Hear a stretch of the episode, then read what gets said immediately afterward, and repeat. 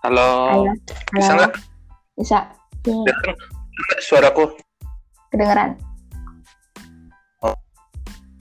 Ya udah, yuk balik lagi ke podcast gua bicara suka-suka.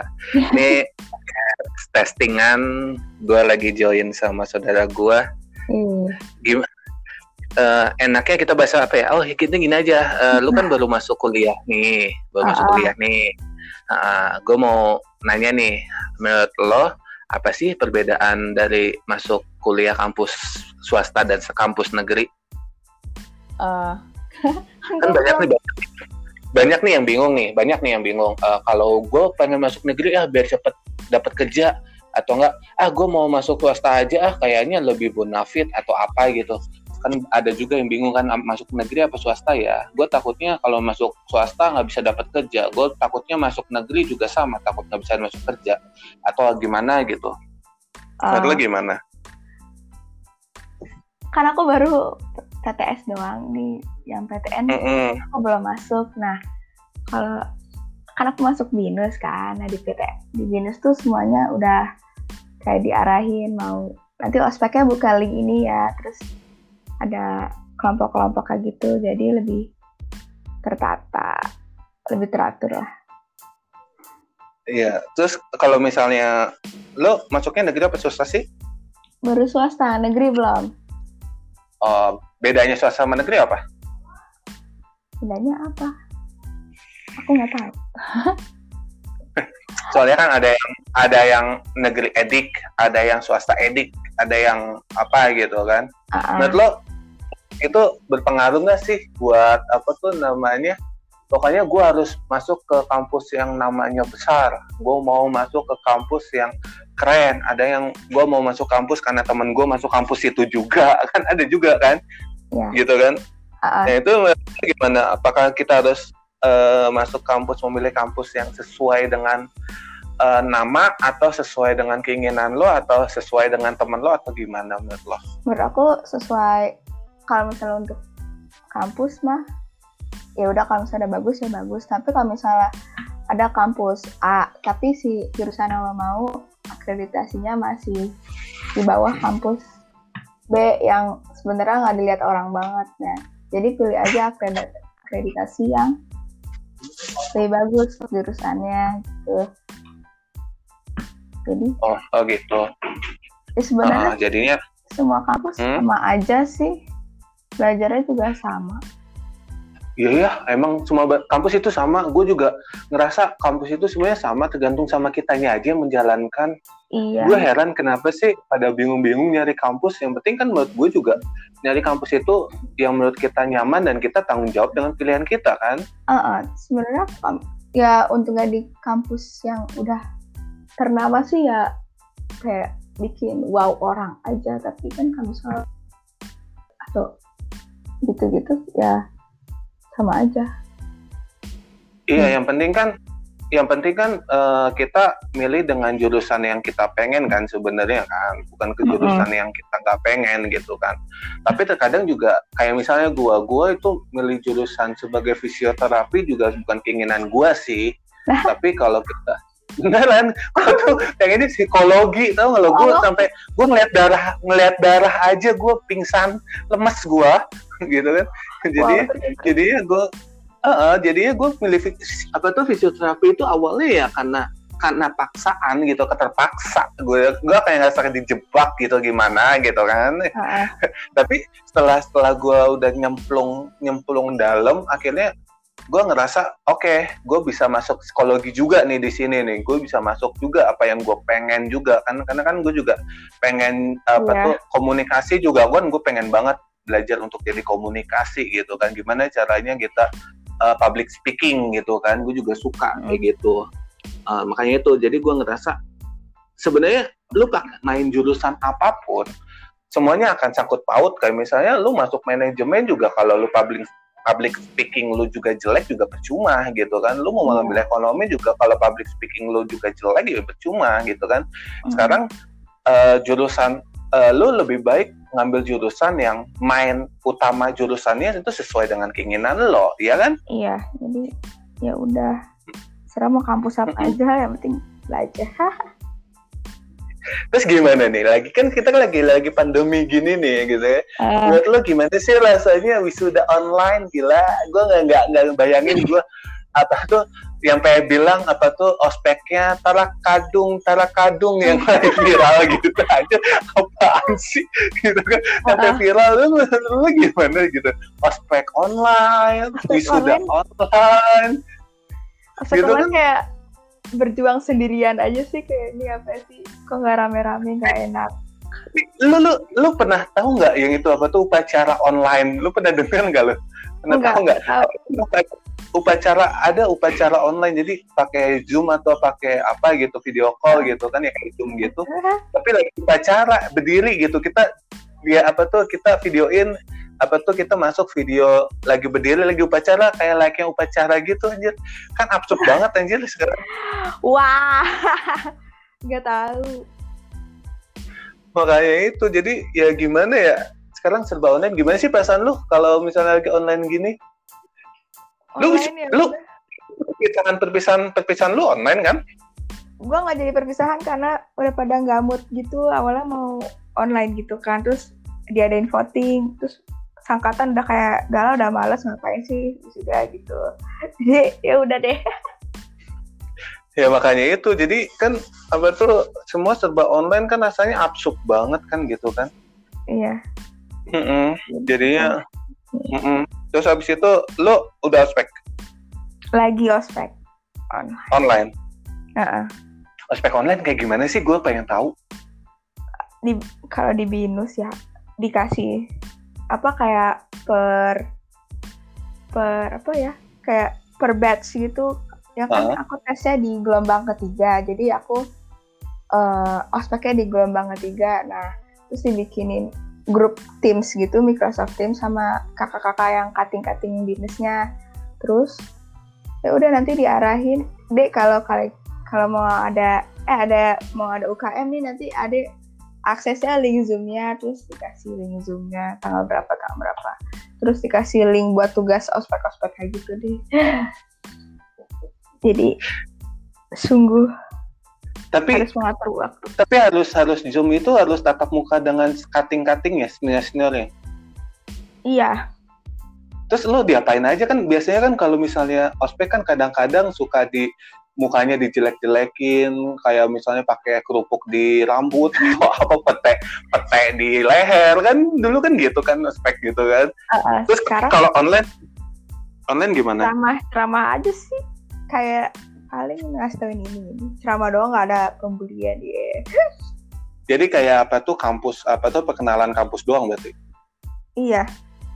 Jadi nggak asik Ya nggak udah. asik ah nggak emang asik. nggak asik.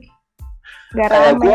gue gue dulu itu waktu ospek gila gue harus lari-lari ayo deh lima menit Gila. lagi. Lari atau enggak apa tuh atau enggak scott jam atau enggak apa gila gila stres gue waktu itu. Tapi kan tapi terkenang iya lebih momennya lebih dapat daripada apa tuh? Gini. Heeh. terus lu ada ada momen momen paling absurd nggak waktu apa tuh eh, ospek online? Belum sih. Ha- aku ini baru pra ospek gitu loh jadi masih ada tugas-tugas awal. Nanti ospeknya tanggal 3 oh. Terus Jadi- habis itu kan lagi pandemi ini suka duka lu apa sih? Ah suka serba serba online? Adalah. Ngatur waktu tuh nggak bisa. Sumpah. Kok bisa? Kayak bangun lo kesiangan ya? Iya bang kesiangan. Terus tinggalan kelas bimbel kan. Terus kayak udah ngapain mau bimbel? Udah lah. terus belajar nggak tentu terus kalau merasa kayak merasa gagal banget gitu loh semua kan TO TO online kan sendiri. Terus Eh, ngelihat nilai-nilai TO yang terus TO yang terus turun gitu kan sih kayak ini sebenarnya gue bisa masuk nggak sih? Bisa masuk negeri gak sih? Gitu. Ya ya udahlah. Ya stres sendirian. Tapi lu pernah ngebayangin nggak lu lagi online gitu lagi zoom terus tiba-tiba lu sinyal hilang nge-freeze gitu kan? Lagi ospek misalnya nge-freeze terus habis itu lu dimarahin gitu. Sering berarti lu? Sering sinyal hilang wah sering. Tapi cuttingnya baik sih jadi ya udah. Bisa pakai alasan kak maaf ya sinyalnya hilang Sumpah, nggak ada rasanya. Emang hambar banget ya gitu ya.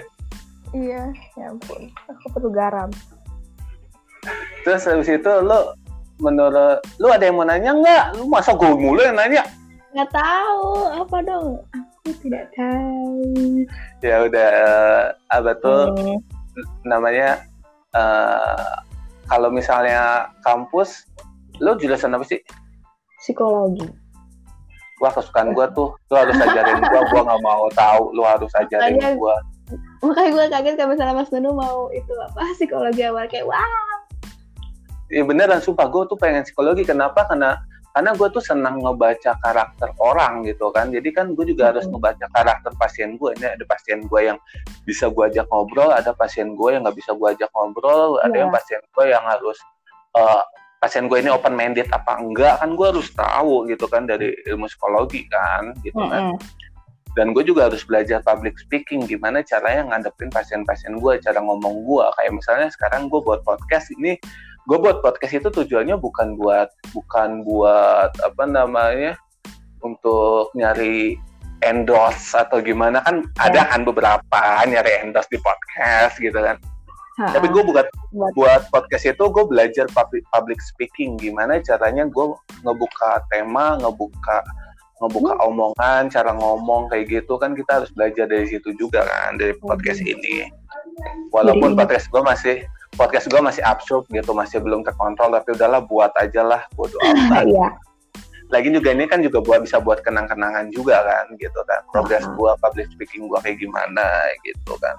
Lo nggak minat Hmm. buat podcast Belum. Aku nggak bisa ngomong kan. tapi kan lo di apa namanya psikologi kan harus belajar ngomong juga kan Iya, tapi belum. Gak tahu. makanya ya lu milih psikologi buat apa kenapa Karena buat anak-anak. Buat ya buat emang emang psikologi anak doang kan ada dewasa juga Iya, tapi sebenarnya goals gue adalah membuat tempat konsultasi anak-anak gitu loh. Jadi anak-anak kayak Iya. gimana yang yang kesepian lah, yang pendiam lah, yang broken yang kayak kurang gitu kasih sayang orang tua gitu. Iya. Hmm. Terus habis itu juga ngebuka konseling buat percintaan. Asik. Eh, tapi banyak tau kasus-kasus kasus-kasus yang tentang percintaan ngebuat hidup berantakan. Ada loh. Iya. Itu mau marriage counselor aja. Susah ya jadi marriage Iya, makanya itu kan kita harus juga harus ngelihat dari apa tuh sifat orang juga kan, konsultan gitu kan. Iya. Jadi kita nggak asal ngomong juga, kan ada juga yang nggak bisa asal sompral, ada juga yang nggak bisa sompral gitu kan. Ada juga kalau ada juga kalau orang kalau nggak bisa sompral rasanya, aduh kok kaku gini ya. Jadi dia nggak dia nggak ngebuka diri dia gitu kan. Ada juga Ah. ada juga orang yang ini orang sompral banget sih, gue jadi ilfeel deh kayak gitu. Jadi nggak terbuka juga kan. Jadi kan lo harus mengenal juga kan, belajar mengenal sifat karakter kayak gitu Yes, Majayo. makanya gue suka banget psikologi sumpah kenapa gue bisa masuk psikologi sih ya Allah Ayo ambil S asa- ambil S1 psikologi lagi. enggak gue udah dua kali kuliah jadi tahu. udah istilahnya otak gue udah ngebul gitu kata saya dulu mau cooling down dulu lah Ya udah, urus. Jadi fisioterapis aja. Kan juga banyak yang mengurusi mental karena sakit gitu, right? iya sih. Ada juga kan beberapa orang sebenarnya itu sakitnya nggak terlalu sakit tapi karena dia terlalu mikirin sakitnya maka kadar sakitnya akan meningkat juga ada kayak gitu kan ada efek psikologi gitu. Istilahnya Iya. istilahnya kayak lu fokus sama kerja tapi lu belum makan. Lu pasti nggak lapar karena lu fokus sama kerja gitu. Kalau udah lu Iya. udah selesai kerja lu pasti akan nggak lapar gitu kan. Bukan kerja aja lu lakukan sesuatu lu fokus gitu. Lu pasti nggak lapar gitu tapi kalau lu fokus lu daily Iya. pasti lu lapar. Gitu juga kalau misalnya lu nang, eh, ada kasus sakit gitu lu fokus sama sakit ya udah sakit. Tapi kalau lu nggak fokus sama sakit ya sakitnya akan berkurang gitu. Iya. makanya ilmu psikologi penting banget Ya, di Di di mana-mana. apa pun di apa pun. Gitu kayak lu, lu nanganin klien. Klien lu pengen apa lu harus baca karakter. Misalnya ini klien pengennya detail banget lu harus lu harus uh, ngejain uh, apa tuh presentasi yang detail gitu. Ada juga yang nggak yeah. suka bertele-tele maunya to the point. Ya udah to the point gitu kan juga ilmu psikologi sebenarnya. Iya. Komunikasi makanya gue eh saudara lu masuk mana akhirnya? Udah keterima di UAI alhamdulillah. Jurusan apa uh, PAUD. Jurusan PAUD. PAUD PAUD TK jadi uh, uh, uh. jadi guru TK dia? Bukan guru TK juga sih. Maksudnya mempelajari anak-anak usia dini lah. Berarti kalian berdua sama-sama suka anak ya? Maybe. Nggak tahu gue gak pernah ngeliat ke dia interaksi sama anak-anak. Tapi ya. tapi PAUD PAUD itu prospek kerjanya apa aja yang gue tahu cuma jadi guru TK gue nggak tahu bener-bener sih. Iya berarti itu apa bedanya dengan jurusan apa tuh uh, oh, apa? iya. namanya yang di UNJ UNJ kan juga ada tuh guru bagi guru-guru buat guru-guru kan. Eh oh, UNJ oh. ya UNJ deh kalau nggak salah. Yang guru-guru TK berarti sama aja dong sama. Itu yang swasta iya yeah. ya kalau menurut gua kalau menurut gua ya menurut gua swasta apa negeri itu nggak penting. Yang penting yes. itu yang penting itu channel. Karena karena ada beberapa yeah. beberapa beberapa kantor atau beberapa tempat kerja mereka mengandalkan institusi. Kayak misalnya isinya bidu semua isinya isinya uh, uh. UI semua IPB semua ada juga sih beberapa gitu beberapa kantor kayak gitu jadi ya, nanti kan.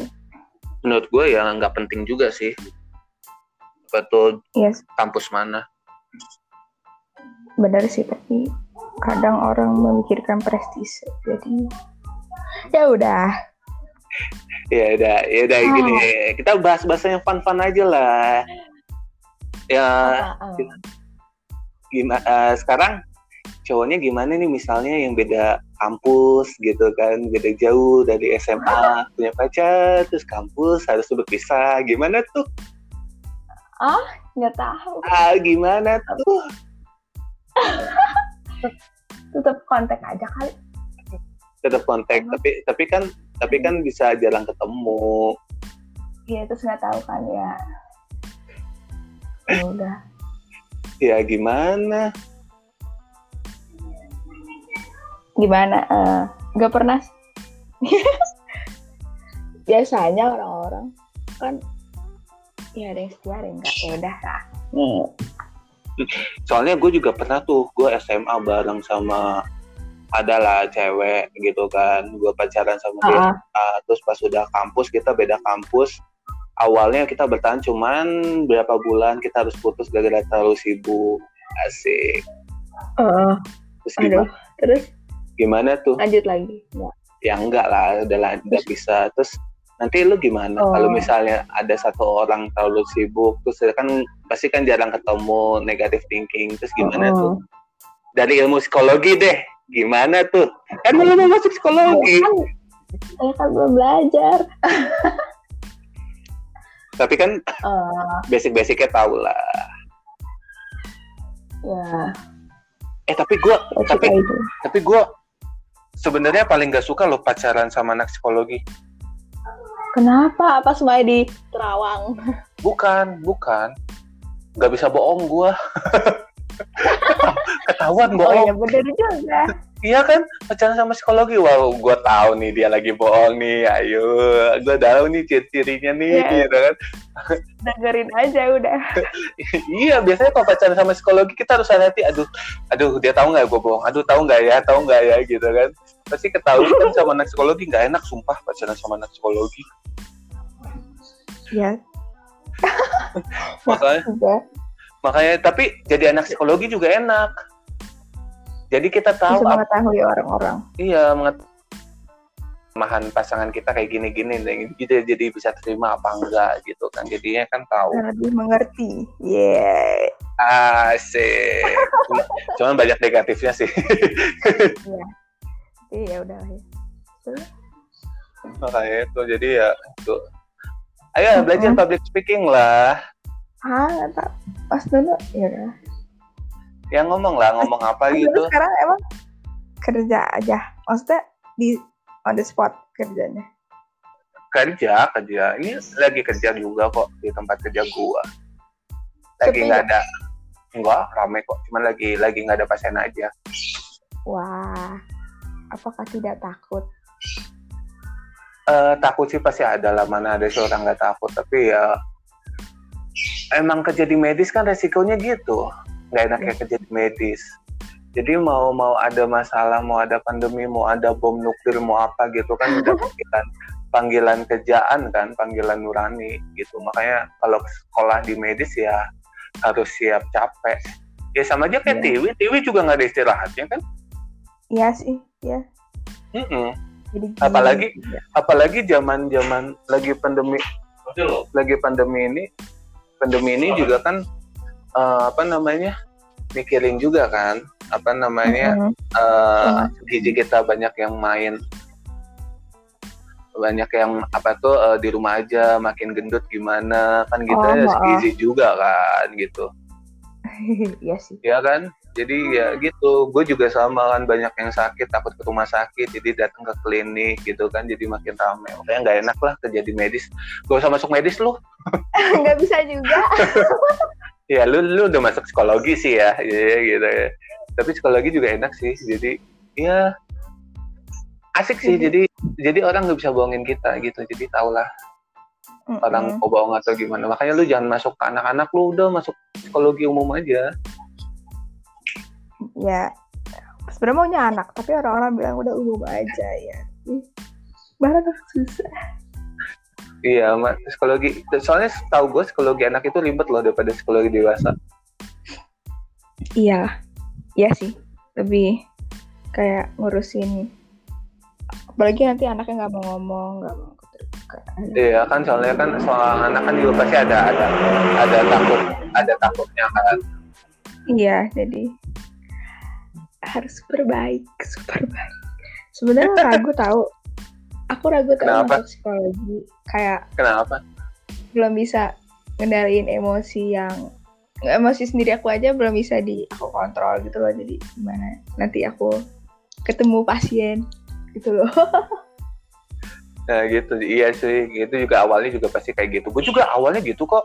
Apa tuh gue milih fisioterapi juga awalnya, aduh gue bisa nggak ya, aduh gue nemuin, gue nemuin darah nggak ya, kalau udah nemuin darah Hmm. gimana ya, aduh gue banyak banyak pemikiran sih, makanya kan banyak banyak orang yang masuk kampus, tapi Hmm. eh, apa namanya dia menyerah tengah jalan, banyak yang kayak gitu, karena Oh. mereka terlalu berekspektasi terlalu jauh gitu aduh gue bisa nggak ya? Atau nggak aduh bisa nggak ya gue dapat kerja di apa tuh jurusan ini? Bisa nggak ya? Gitu kan. Banyak Iya. juga kan kayak gitu. Makanya kan kayak eh, kita harus jalanin dulu aja gitu. Sampai sampai kita eh, apa namanya kita udah lulus wisuda pasti kita akan nemuin deh positifnya dari pilihan kita pasti. Tapi pas di Gitu. kampus diajarin? Diajarin apa diajarin kayak cara menghandle ini ini ini kalau misalnya ini gitu, gitu. pasti pasti pasti diajarin soalnya kan pasti nanti kan lu juga ada magang kan ada koasnya juga kan Heeh. Ah, dari Iya. situ juga lu pasti lu pasti awal-awal masuk kuliah lu pasti bingung dan lu stres setengah mati pasti tapi ketika lu tapi ketika lu udah terjun ke dunia kerja atau lu udah terjun ke masalah yang real gitu misalnya lu udah magang atau koas lu pasti akan nemuin oke fine. Gue pasti akan nemu uh, fun-nya di sini. Lu pasti akan nemuin di saat lu udah magang. Kayak misalnya gue gue jujur gue kuliah gue aja waktu semester pertama aja tiga mata kuliah aja eh nilai gue wow. Eh, keren kan gue keren kan? Mana ada yang nilainya E gitu kan cuman gue doang. Tapi eh, pas pas, pas gue udah megang pasien pas gue udah magang gue nemuin pas ada satu, salah satu pasien bilang ke gue Mas, makasih banget ya gara-gara Mas saya jadi lebih enakan udah sembuh. Nah, Wah. kata-kata itu yang ngebuat ngebuat gue oke, ternyata fun juga ya gue masuk sini ternyata nggak nggak se-crowded, nggak sesusah, bukan nggak susah, nggak se-stres apa yang dipikirkan gitu. Iya. Makanya kan sebenarnya stres apa enggak itu tergantung pada mindset kita, Mm-mm. gitu kan. Iya sih. Jadi mindset kita kalau kita udah mindset kita, waduh ini stres, aduh gimana, aduh pasti gua nggak bisa nih, ya udah beneran nggak bisa pasti, gitu. Tapi kalau lo mindset lo ngerasa wah, jadi pasti lu pasti enjoy gitu, lu pasti enjoy, ya lu pasti enjoy gitu kan, gitu. Iya. Lu juga milih psikologi kenapa? Karena nggak ada pilihan lain. Bukan karena karena itu pengen itu anak kecil. Karena Anak berdasarkan pengalaman pribadi dan gue kayak oke gue harus memulai perubahan untuk biar anak-anak merasa lebih baik. iya sih. Tapi Iya. menurut menurut lo, menurut lo eh, pemilihan kampus apa pemilihan jurusan misalnya pemilihan jurusan atau pemilihan kampus menurut lo apa sih yang ngebuat lo salah untuk milih misalnya contoh eh, apa namanya pokoknya kalau misalnya lo milih berdasarkan ikut teman lo pasti salah. Misalnya contoh kayak gitu. Mm-mm. apa sih yang menurut lo yang salah gitu? Yang jangan jangan lakuin jangan lakuin itu untuk memilih kampus apa aja menurut lo kalau misalnya nggak penasaran sama jurusannya mendingan nggak usah dipilih. Soalnya nanti oh gitu. belajarnya nggak nggak ambis gitu loh kayak ya udahlah ya udahlah gitu terus Hmm, jadi hmm, terus apa ya? Terus ya itu sih yang buat hal yang penasaran. Terus kalau ya misalnya soalnya kan apa? ya soalnya kan banyak juga yang gagal. Menurut gua orang yang gagal tengah jalan menurut gua dia gagal dari awal. Kenapa? Eh, karena kan apa tuh orang yang salah orang yang salah tengah eh, apa tuh orang yang berhenti tengah jalan itu biasanya orang yang gagal milih waktu awal. Kenapa? Karena dia milih berdasarkan bukan berdasarkan apa yang dia mau gua. Iya.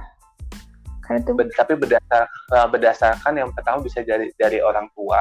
Gua nggak nyalain orang tua sih pasti orang tua ngasih yang terbaik buat kita. Mm-mm. tapi kan eh, ada juga orang tua yang bijak dan orang tua yang orang tua Maksa. yang apa maksa gitu. Kan ada juga kan orang tua yang maksa menurut gua adalah orang tua yang harus ngikutin keinginan orang tua menurut gua.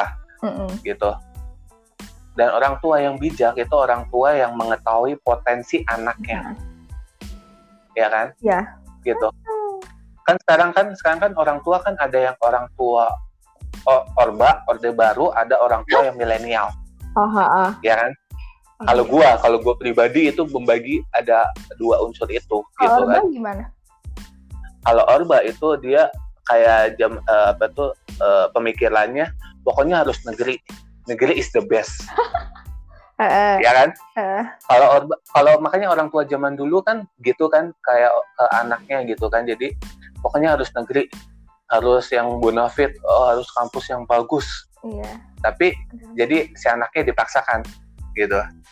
Buat gue itu orba Ah, Gitu. oh, tapi orang tua orang tua milenial itu ngelihat wah potensi anak gue ke mana nih? Orang tua eh, apakah ke apa tuh ke seni ke medis atau ke mana gitu. Iya. Harus mencari potensi anaknya. Terus yang kedua aja membiarkan anaknya mengembangin potensinya. Gitu. Tapi dengan catatan harus tanggung jawab. Iya. Gitu. Karena menurut gua eh, seorang anak juga pasti akan berontak. Maksudnya dalam arti kalau memaksakan keinginan orang tua terhadap anaknya pasti ketika gagal harusnya yang disalahkan orang tua bukan anaknya iya sih. Gitu. Tapi kalau misalnya orang tua milenial itu yang harus disalahkan anaknya. Karena anaknya yang memilih. Mm-mm. orang tua cuma membantu. Bukan membiarkan beda loh membiarkan sama Iya, iya. membantu. Gitu. Ada juga kan ada juga orang tua udahlah terserah kamu. Oh iya, mau iya. masuk mana aja. Ada yang penting- aku kayak gitu. Ah, yang penting bapak ibu udah bayarin. Nah itu sebenarnya nggak boleh kayak gitu. Gitu tapi Hmm. orang tua yang baik adalah orang tua yang menuntun anaknya gitu. Harus tar- Hmm. harus harus tahu kelebihan sama kelemahan anaknya gitu. Menurut gua sih gitu. Oh, makanya banyak banyak yang banyak yang nyerah tengah jalan gitu. Karena membiarkan anaknya gitu aja nggak tahu potensinya. Gua sih gitu ya. Gua nggak tahu kalau yang lain bagi bagi yang para pendengar podcast kita ini nanti suatu saat nanti ada yang komen ah masa sih bang? Kan orang tua adalah segalanya gitu. Enggak iya juga. sih. orang iya sih orang tua emang segalanya pasti gitu kan. Orang tua segalanya tapi kan apakah orang tua apakah orang tua itu dia bisa mengenali anaknya secara secara benar-benar? Kan itu tanda tanya kan sebenarnya jatuhnya gitu Iya. kan. Makanya itu makanya di podcast ini gue ngembangin pola pikir gue makanya Oh. kita benar-benar jadi diri kita sendiri gitu kan. Ya terkadang kita juga salah sih statement kita salah statement kita bisa salah bisa benar. Kan kita juga manusia tapi kan kita juga punya persepsi sendiri gitu kan. Iya. makanya makanya ada platform YouTube ada platform eh, podcast gitu kan. Tapi gue senang lebih senang podcast sih karena harus gua kan gua kan demam panggung ya gue demam panggung. Jadi ketika ada kamera gue pasti nggak bisa ngomong gitu kan. Tapi ya ampun. kalau podcast kan cuma suara suara doang gitu kan. Mana mungkin para pendengar tahu apa yang terjadi sama gua di sini gitu kan. oh gitu kan. Dan dan gue lebih suka makanya gue kenapa buat podcast ini tanpa skrip tanpa naskah. Karena gue pengen ngeliat public, public speaking gue gitu kan. Eh, gitu makanya kali ini tema temanya sih sebenarnya tentang Online class. pendidikan sih Oh. uh, pendidikan dan uh, apa tuh pendidikan dan pandemi gitu hubungannya pandemi online semuanya serba online gitu suka dukanya online gitu Iya. Semuanya pemilihan kampus gitu soalnya kan sekarang kan lagi apa tuh banyak ah, maba-maba kan gitu Mm. makanya apalagi lu kan juga baru masuk kan gue pengen Iya. tahu nih pendapat lo gitu Sebenarnya belum belajar sih. ya, makanya itu kan jadi ya makanya semua makanya gue nanya lu lu kenapa pilih psikologi kenapa gue pengen tahu Karena ternyata lu ada minatnya minatnya juga kan lu suka lu suka juga kan di Suka. jurusan itu ya udah berarti bagus karena lu kalau misalnya seseorang kalau milih sesuatu tapi lu nggak ada minat nggak ada interest lu pasti bakal gagal walaupun interestnya cuma satu aja yang penting ada satu interest lu di Iya, jurusan kan? itu lu pasti akan lu pasti akan bisa jalan yang, yang Gitu. selalu bikin penasaran itu sih kuncinya biar nggak salah milih. Ye. Mm-mm. makanya itu jadi terus habis itu lo eh, kenapa binus kenapa swasta sorry kenapa kok swasta kenapa nggak negeri Binus ah, swasta tuh awalnya buat jaga-jaga kalau misalnya semua KTN tuh nggak masuk jadi ya udah ambil itu. Terus sekarang aku juga lagi buat UTBK kan jadi aku harus Hmm. membagi otakku ke dalam dua kudu. Iya. oh gitu jadi jadi apa tuh lo milih swasta karena untuk cadangan aja ya daripada Iya. negeri ya Takut gap sambil nunggu itu ya Menurut lo swasta sama negeri ada bedanya nggak? swasta sama negeri ada bedanya. Eh, ah, I don't know. Karena gue juga nggak tahu sistem di negeri tuh gimana. Ya kalau menurut gua sih sama aja. Menurut gua ya, menurut gua ya. Karena kalau lo perhatikan dosen-dosen di negeri juga ada yang jadi dosen di swasta kan. Iya. Terus gajinya sama aja. Kayak ya udah. Iya sama aja, sama itu. Menurut gua itu yang membedakan adalah fasilitas Oh ya. Ya sih. dan nama dan nama. Iya. Gitu. Kan awalnya UI eh, negeri-negeri itu juga nggak ada namanya kalau nggak ada muridnya. Iya makanya itu. Sama satu lagi tergantung orangnya. Ah, ah. Kalau Percuma aja lu mau masuk negeri atau swasta di mana pun ya. Gua nggak nggak nyebutin institusi ter- terkhusus tapi di mana pun kalau misalnya orangnya itu nggak fokus sama Kuliah. pilihannya ya cuma aja sih Mm-mm. kayak nyombong nyombongin cuma sebatas nama aja gitu Iya.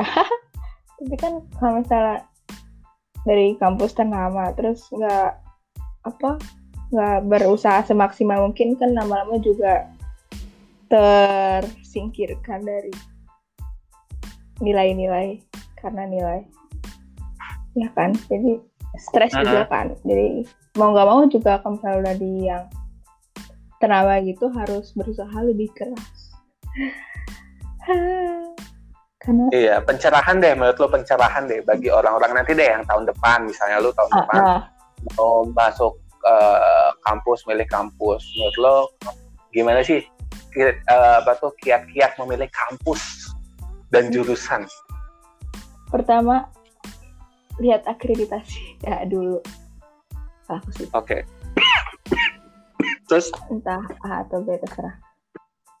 Terus itu pilih tapi yang penting kalau aku sih yang penting jurusan sih nggak penting kampusnya. Pilih jurusan yang dimau. Terus ya udah kalau misalnya lo masuk ke ke apa? Ke universitas yang udah bagus bertahanin maksudnya si kampus tuh udah percayain lo untuk belajar di situ dan berharap lo jadi yang terbaik tuh jadi ya berusaha lah lebih keras gitu loh. Hehe Mm-mm. makanya itu terus apa lagi?